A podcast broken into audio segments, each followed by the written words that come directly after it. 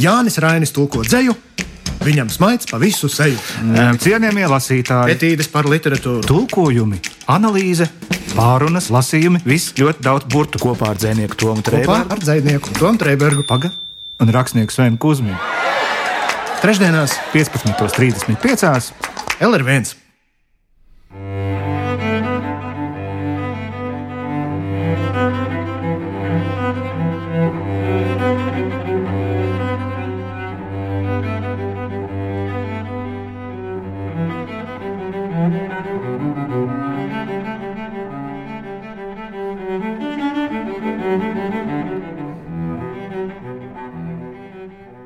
Skapī es atradu vienu grāmatu, kuru sauca Jēzus dzīve. Tā mani pārsteidza. Nebiju domājis, ka var šaubīties par Jēzus Kristus dievišķību. Es izlasīju to slepdamies, un nevienam nepateicu, ka esmu to lasījis. Par ko gan tad es sev sacīju, iespējams būt pilnīgi pārliecinātam?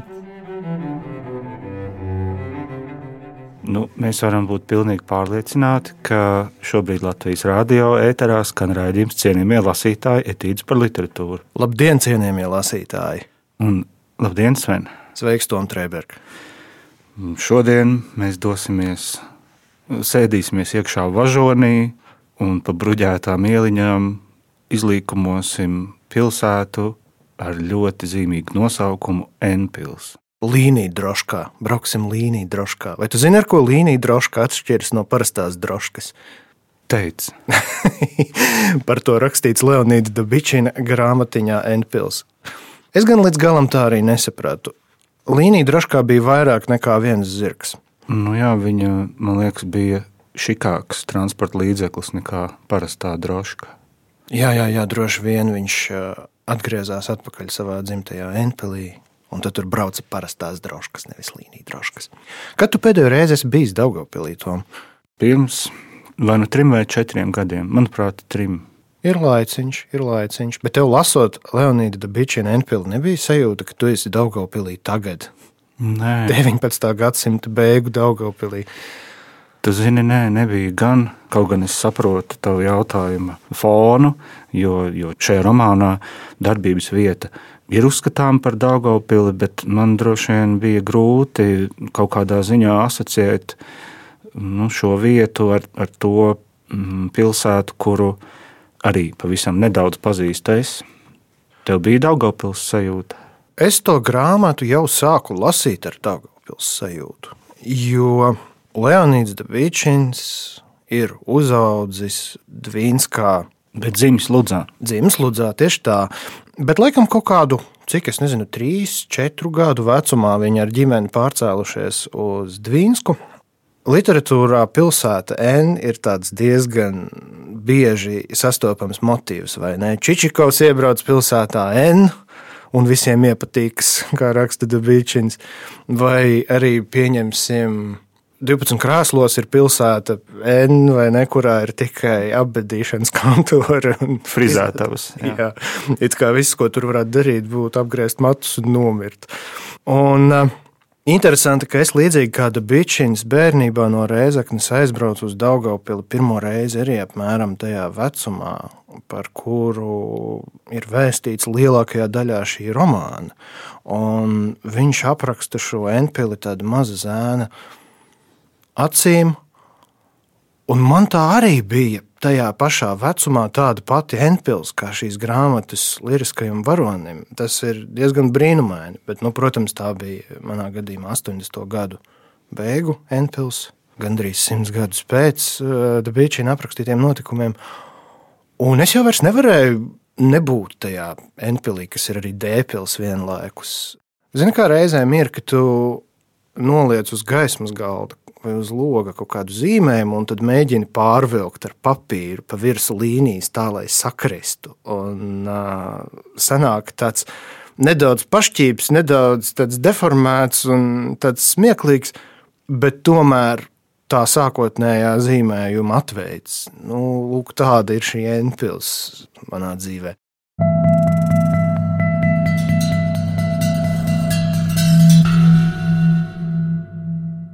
Man liekas, ļoti interesanti ir arī paša Dabīčina figūra, jo par viņu ir zināms ļoti maz. tieši pats romāns Enpils, viņa tapšanas laiks ir orientējoši 33. gads. Uh -huh. Un to visu var nojaust tikai pēc tām dienas grāmatas piezīmēm, kas ir saglabājušās, kurā viņš uzskaita to, cik tālu viņš ir ticis ar šo darbu. Un arī šādu piezīmju ir apbrīnojami maz. Nu, jo ļoti bieži literatūra vēsturniekiem tomēr paliek kaut kāds materiāls, ko pētīt pēc autora bojājas, un kaut kas no kā izveidot tādu kopīgu ainu. Bet par Dabīčīnu faktiski tikpat kā nekā nav.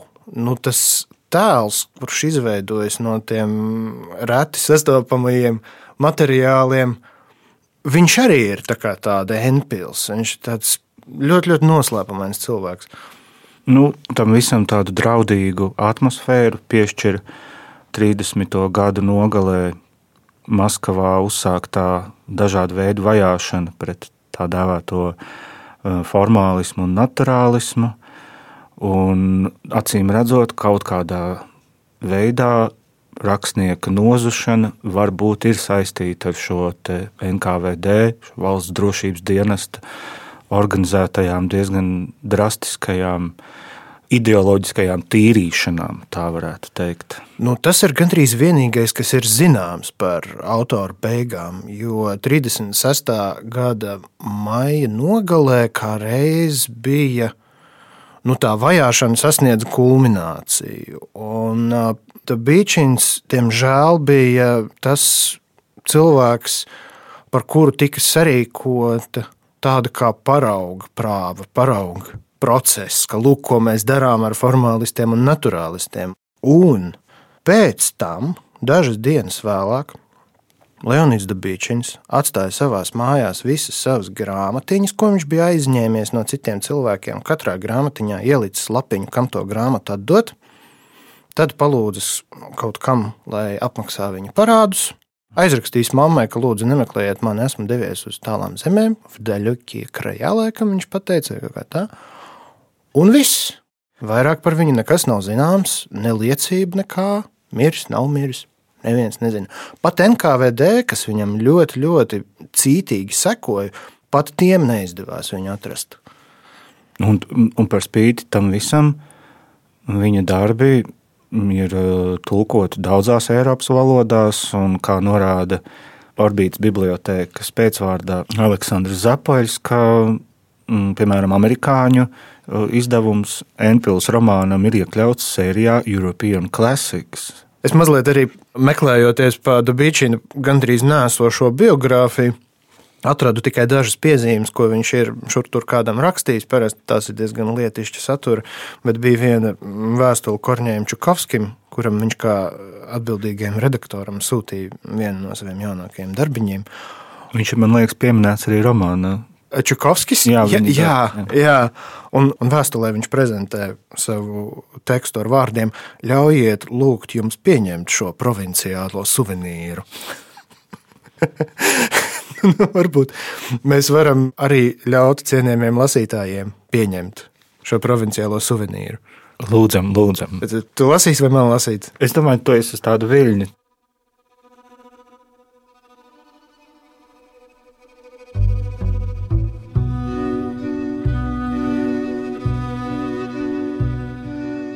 Bom sāka zvanīt katedrālē. Mēs pārmetām krustu. Ferthensers vilpi pienāca pie loga un pasvilpa. Viņa bērni skrēja uz māju. Kinder! Mēs nokliedzām viņiem pakaļ. Teitrinken! Un pēc tam kļuvām domīgi, klausīdamies zvanoņā. Mēs parunājām par tām blēņām, kuras stāsta par pieaugušajiem. Mēs šaubījāmies, vai kungi un kundzes to darītu. Iegriezās lējerkastnieks, un dikti jautra mūzika sāka pūliņot gaisā. Tā mūs iekustināja. Iesim pie pagrabniekiem, mani aicināja Seršs. Mēs taustīdamies nokāpām un vilkdami roku gar sienu, uzmeklējām durvis. Pie pagrabniekiem smirdēja pēc ubagiem, pie viņiem uz logiem skārda kārbiņās ziedēja ģerānijas. Kaktā ar bildēm, kā Cecīlijas skrinkā, smaidīja ar šauriem pleciņiem pāvests Leons. Pagrabnieki pamodās un skatījās uz mums no lāvas. Jūsu bērni traucē paiet garām, kā vienmēr pasūdzējāmies mēs. Mēs viņiem parādīsim, kā vienmēr mums teica pagrabnieki.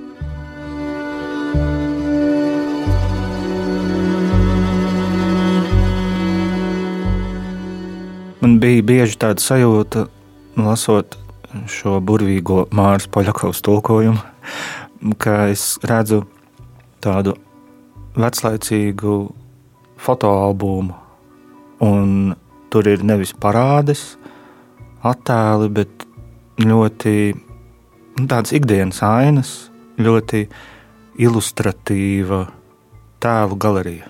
Pagrabnieki tā skaitā. Jā.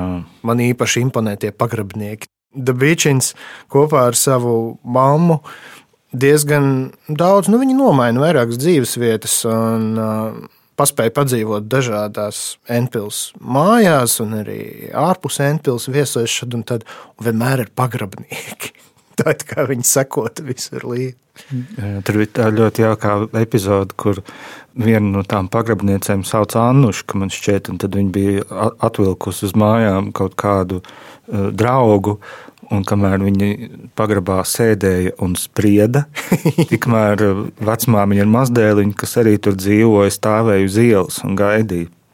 Man arī ļoti daudz citu dažādu nu, šo savstarpējo attieksmju piemēru, kuri man liekas, ir palikuši tikai kā vēstures sastāvdaļa, nu, tikai kā literatūras sastāvdaļa. Nu, kaut vai šī pati gaidīšana uz ielas, iedomājieties, vienkārši stāv un gaida, kamēr uh mhm. -huh. tie tur izspriedīs. Jā. Arī kaut vai galvenā varoņa attiecības ar viņu māti, jo tēvs diezgan ātri mm, nomirst. Uh mhm.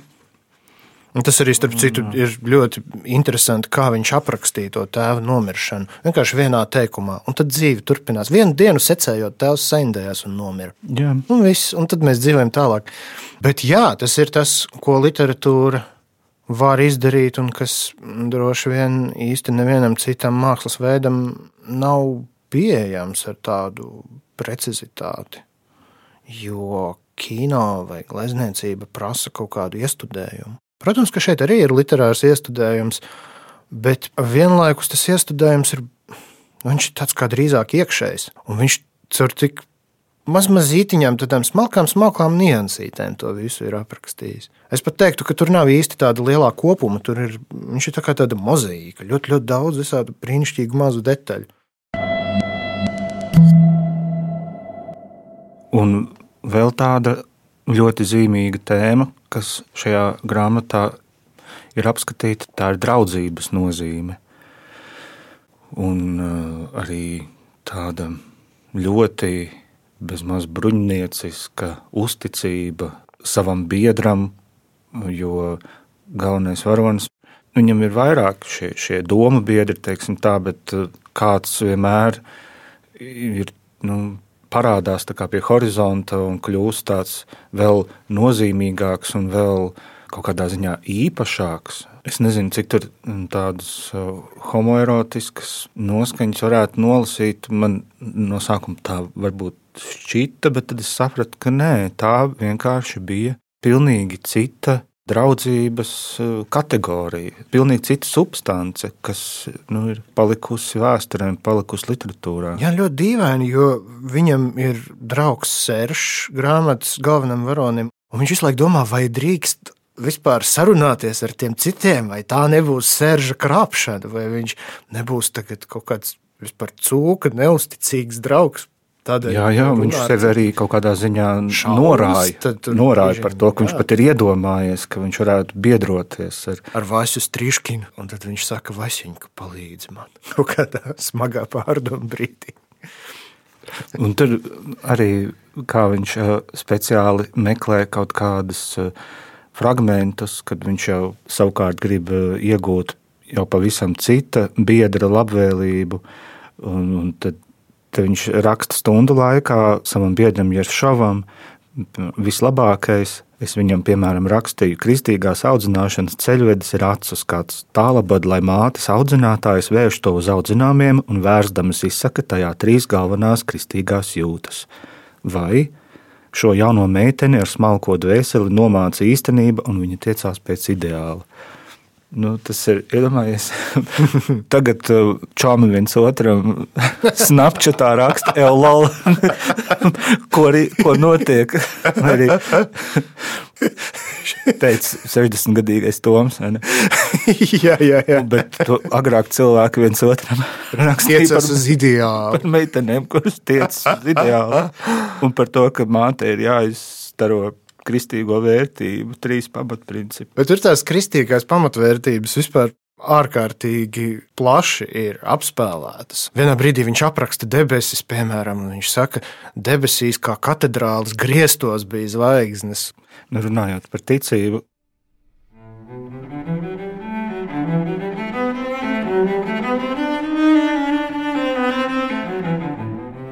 Pareizticīgais Mums ticības mācības stundā teica tēvs Nikolais, nozīmē tāds, kurš tic pareizi.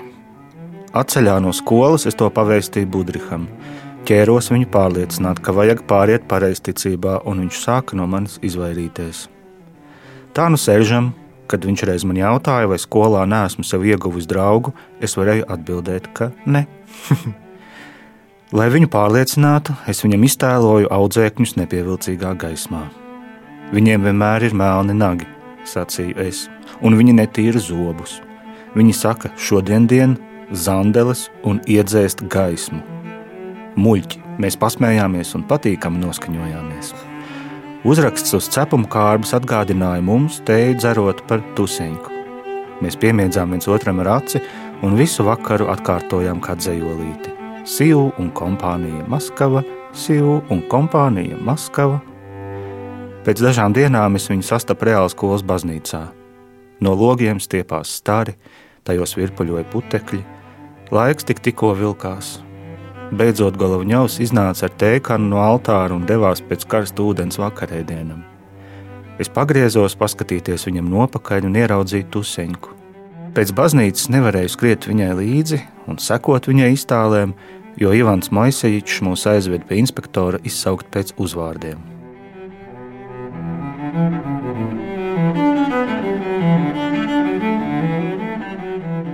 Cienījamie lasītāji, mēs te tagad mazliet niekojamies ar Leonīdu Dabičina romānu Enpils, kur tulkojas Māra Poļakova.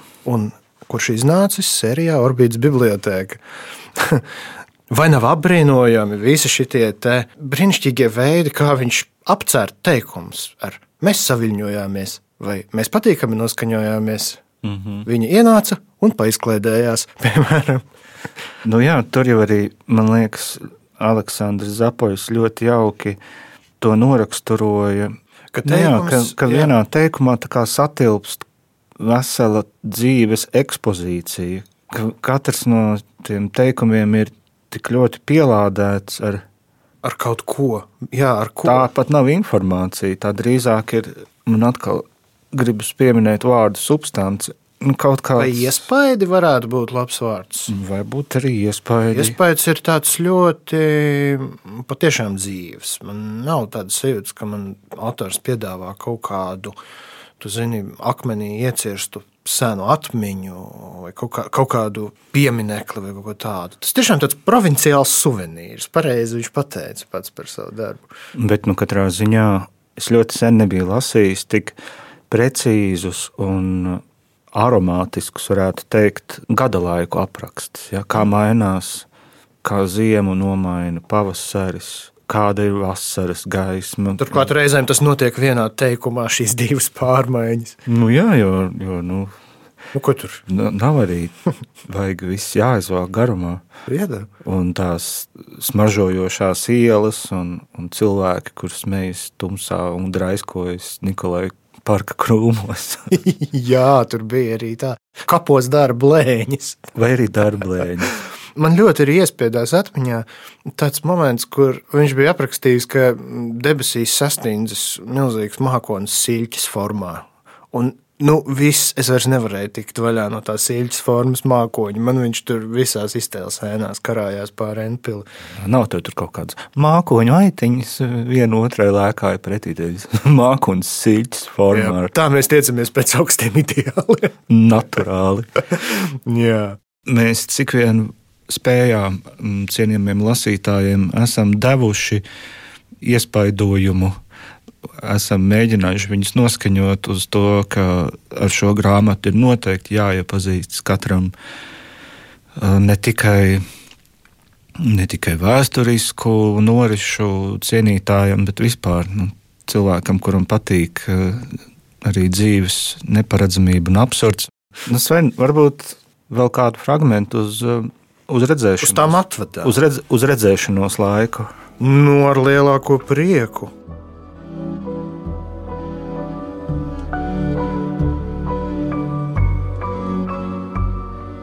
Ziemassvētkos es gandrīz nekur nebiju. Karmānovi aizlaida uz Lībavu pie Sofijas un atsūtīja no turienes pastkarti ar Lutheru baznīcu un uzrakstu Frēlihe Vainakten. Tajā gadā inženieriete iemīļoja politiku. Bieži viņa sāka par to spriest, un tad man un mamāna lipa ciet acis. Sāka pilēt saulītē no jumtiem, un skola sāka man ar vien vairāk apnikt. Es ļoti nopriecājos, kad vienā saulainā rītā Golovņovs, zīmīgs, pie mums pie pakaramajiem paziņoja, ka ir nogalināts kaut kāds kņazs un pulksten 12. mēs dosimies uz aizlūgumu par mirušo un no turienes mājās. Viņam patika paziņot negaidīto. No aizlūguma es izgāju svinīgs. Olavs man ierosināja iet uz tirgu. Es vēl nekad tur nebiju bijis, un mēs skrējām turp. Mēs ķiķinājām, un viens pie otra pieķērušies grūstījāmies. Ķēkšs gandrīz gāza mūs no kājām, aizķerot ar groziem. Dāmas apstādamās pie vezumiem redzamo, nogaršoja. Zemnieki skaļi izteica cūcības. Es vēl pirmo reizi redzēju viņus tuvu. Viņi ir kā lopi, teica Olovs, un mēs papļāpājām ar viņiem. Tuvojās gatavošanās grēksūdzei, taču es nemaz nedomāju par to. Jau biju nolēmis, ka necik neatzīšos tēvam Nikolajam, jo viņš var nosūdzēt vai pats izdarīt kaut ko riebīgu. Tā dāma, kas vienreiz bija atbraukusi pie mums no Viķepskas, atkal atsūtīja pastkarti. Viņa mūs aicināja paciemoties. Mēs sasparojāmies, un mamā uzrakstīja lūgumu par atvaļinājumu. Vasara beidzot pienāca. Mēs šķīrāmies no karmānaviem, kuri brauca celt vasarnīcu, un arī devāmies ceļā.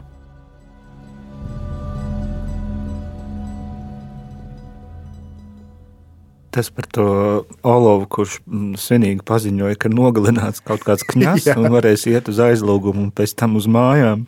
Atgādināja vienu epizodi, kur viņiem reāli skolā nāca virsū eksāmeni, un viņi baidījās, ka skolu iecirkņu inspektors var ierasties, jo viņam patika izgāzt audzēkņus. Jā, jā, jā. Un tad viņš raksta, atkal mēs baidījāmies, ka skolu iecirkņu inspektors var ierasties pie mums. Bijām priecīgi, pēkšņi uzzinājuši, ka viņu kāds nosits ar akmeni. Kas tas ir?